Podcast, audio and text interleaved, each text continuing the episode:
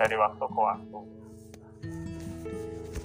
Nah ini tadi yang saya sampaikan eh, ada istilah-istilah media pembelajaran, ada istilah-istilah sumber belajar. Silahkan sambil dipantau tulisan-tulisannya. Ada istilah bahan ajar. Jadi kalau media itu segala sesuatu yang mengantarkan pesan dari pengirim kepada penerima, kalau sumber belajar itu segala sesuatu yang dapat menghasilkan pesan sebagai bahan atau objek kajian dalam pembelajaran, kalau bahan ajar itu segala sesuatu yang berisi pesan yang tidak yang dimanfaatkan dalam pembelajaran atau materi ya istilahnya itu. Ini mohon dicermati ini tadi yang sempat apa namanya mohon maaf. Yang tadi saya katakan. Apa sih yang disebut media? Ya kata kunci untuk bicara soal media pembelajaran itu dikenal sebagai istilah medium. Ya kan? Medium. Smaldino tahun 2005 misalkan mengatakan media itu sebagai suatu cara berkomunikasi dari sumber jadi sumber informasi kepada penerima informasi. Ya kan? Jadi dari sumber informasi ke penerima informasi. Pakai media. Contoh saya di sini pengen berkomunikasi dengan teman-teman yang di sana.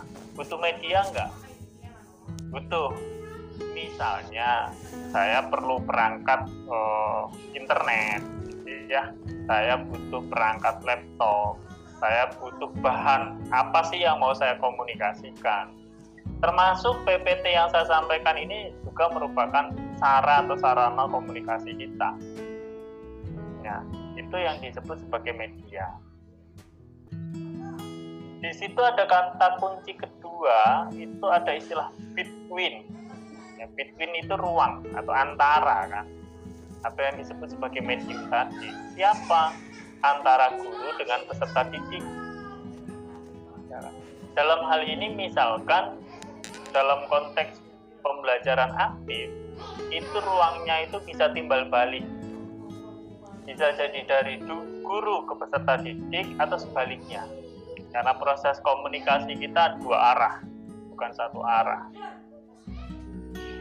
nah oleh sebab itu itu bisa dibaca dalam bahasa Latin between itu adalah penghantar atau perantara atau fasilitator jadi perantara pesan dari komunikator ke komunikan. Komunikator itu pemberi komunikasi, komunikan itu penerima informasi.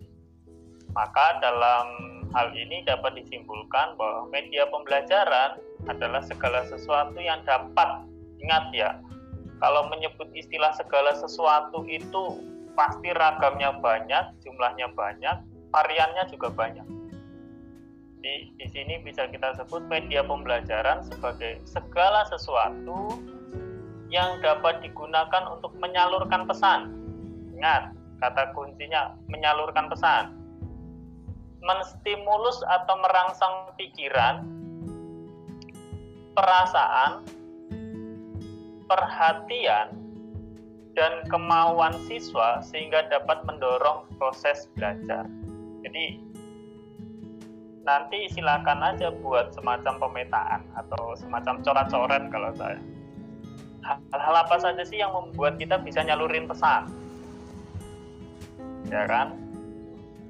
Kemudian apa yang membuat orang itu bisa berpikir atau terangsang pikirannya untuk ikut terlibat dalam apa yang bisa menyentuh perasaannya atau menarik perhatian dan menarik kemauan siswa untuk bisa terlibat di dalam proses pembelajaran itu yang disebut sebagai media. Nah, berikutnya coba di amati gitu ya. Diamati antara ilustrasi yang pertama dengan ilustrasi yang kedua.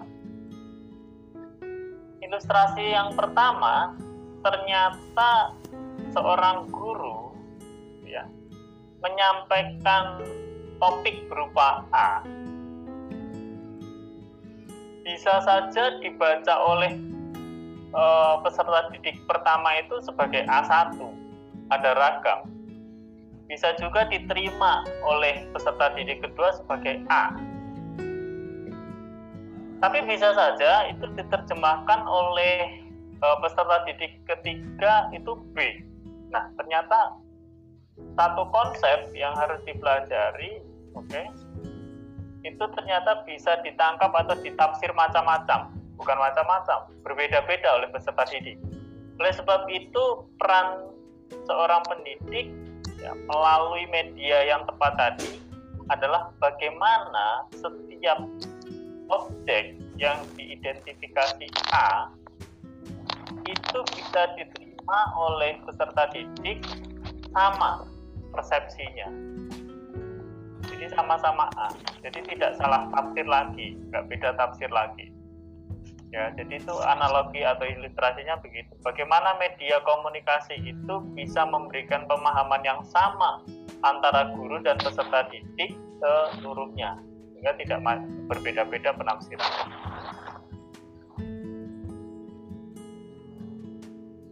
Nah ini coba dibaca. Bagaimana peranan media di dalam pembelajaran yang pertama, media juga bisa digunakan untuk mengatasi batas-batas ruang kelas. Misalkan objeknya terlalu kecil, objeknya terlalu besar, bergerak terlalu cepat atau terlalu lambat, kompleks, bunyi halus, rintangan geografis, dan lain sebagainya. Ini contoh. Teman-teman hari ini diminta untuk menggambar secara langsung struktur bakteri misalkan. Paramecium misalkan. Tentu kita akan kesulitan kalau misalkan kita menggambarkannya hanya di mana posisi bakteri itu di sekitar kita. Lah nggak ada gitu kan? Oleh karena itu untuk membantunya e, membantu mempermudah pengamatan itu kita tentu butuh apa yang disebut mikroskop ya kan? Untuk bisa mengamati. Itu termasuk media belajar. Media untuk me, apa namanya memperoleh objek. Kemudian nanti kita bisa menggambarkannya. Nah nanti teman-teman bisa mengidentifikasi ya masing-masing. Mengidentifikasi masing-masing kemungkinan-kemungkinan media apa yang dibutuhkan pada setiap objek materi. Nah, contoh yang kedua misalkan terlalu besar. Misalkan kita butuh mengantisip, eh, mengamati tentang pohon beringin gitu yang ada di, di, di suatu daerah gitu, di hutan gitu. Kita kan tidak mungkin gitu membawa media tersebut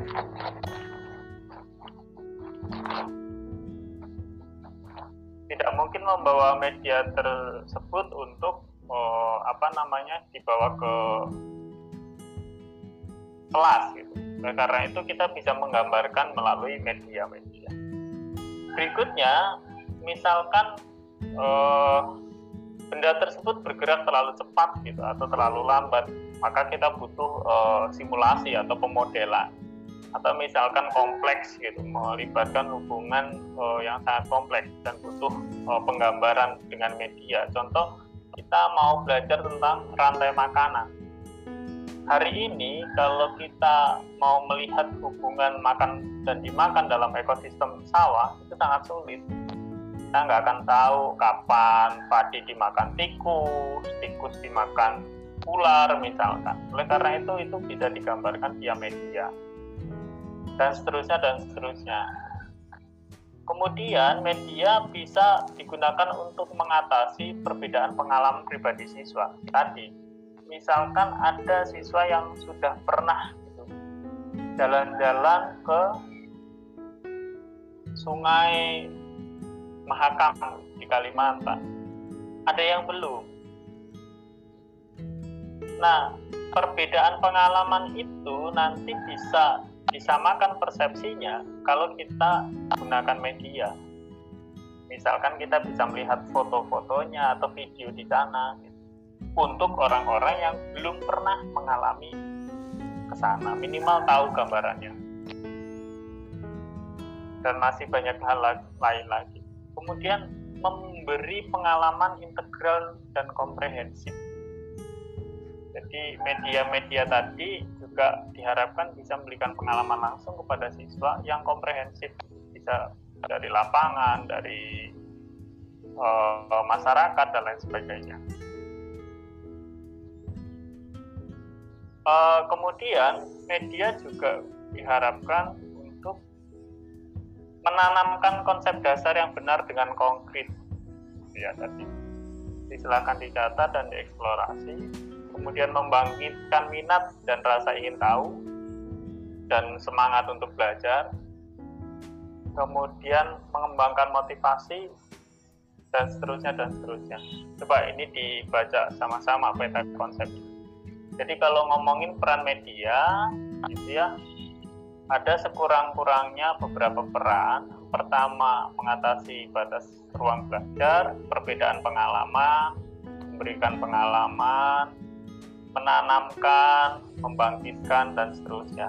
Mohon teman-teman nanti dari konsep-konsep ini untuk dibuat semacam penjelasan atau deskripsi disertai contoh-contohnya silahkan mulai dibaca di dalam buku.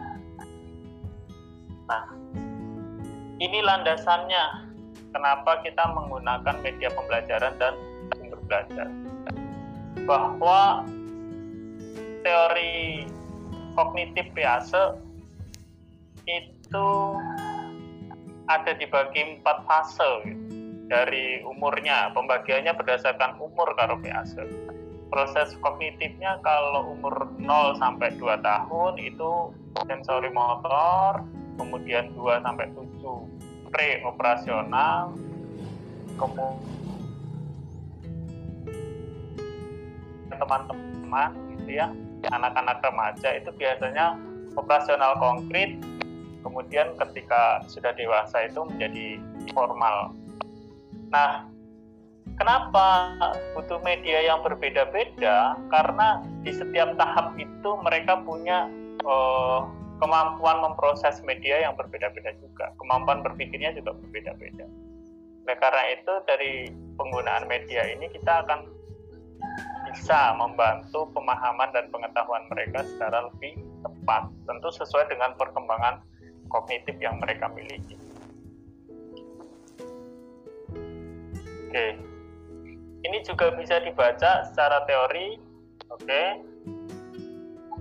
Teori Edgar Dale mengatakan bahwa pengalaman belajar yang bisa mengoptimalkan untuk pengembangan media tadi itu 75% diperoleh dari uh, visual atau pengamatan dengan mata. 30 persennya, 13 persennya itu telinga atau audio dan yang lain-lain ada 12 persen.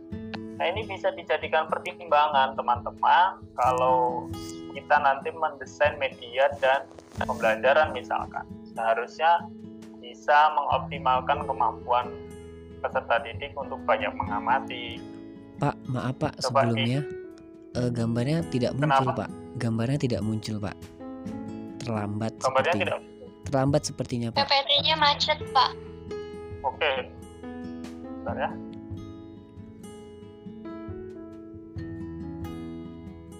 inilah kendalanya dari oh banyak yang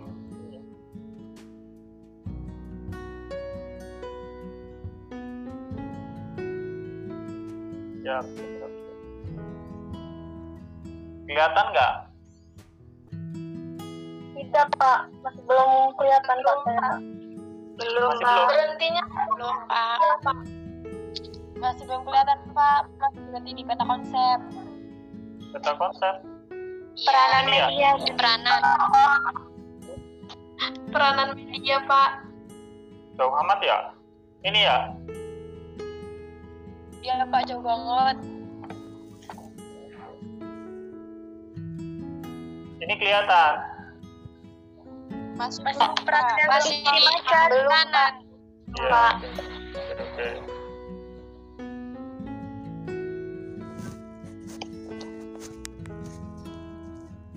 ini?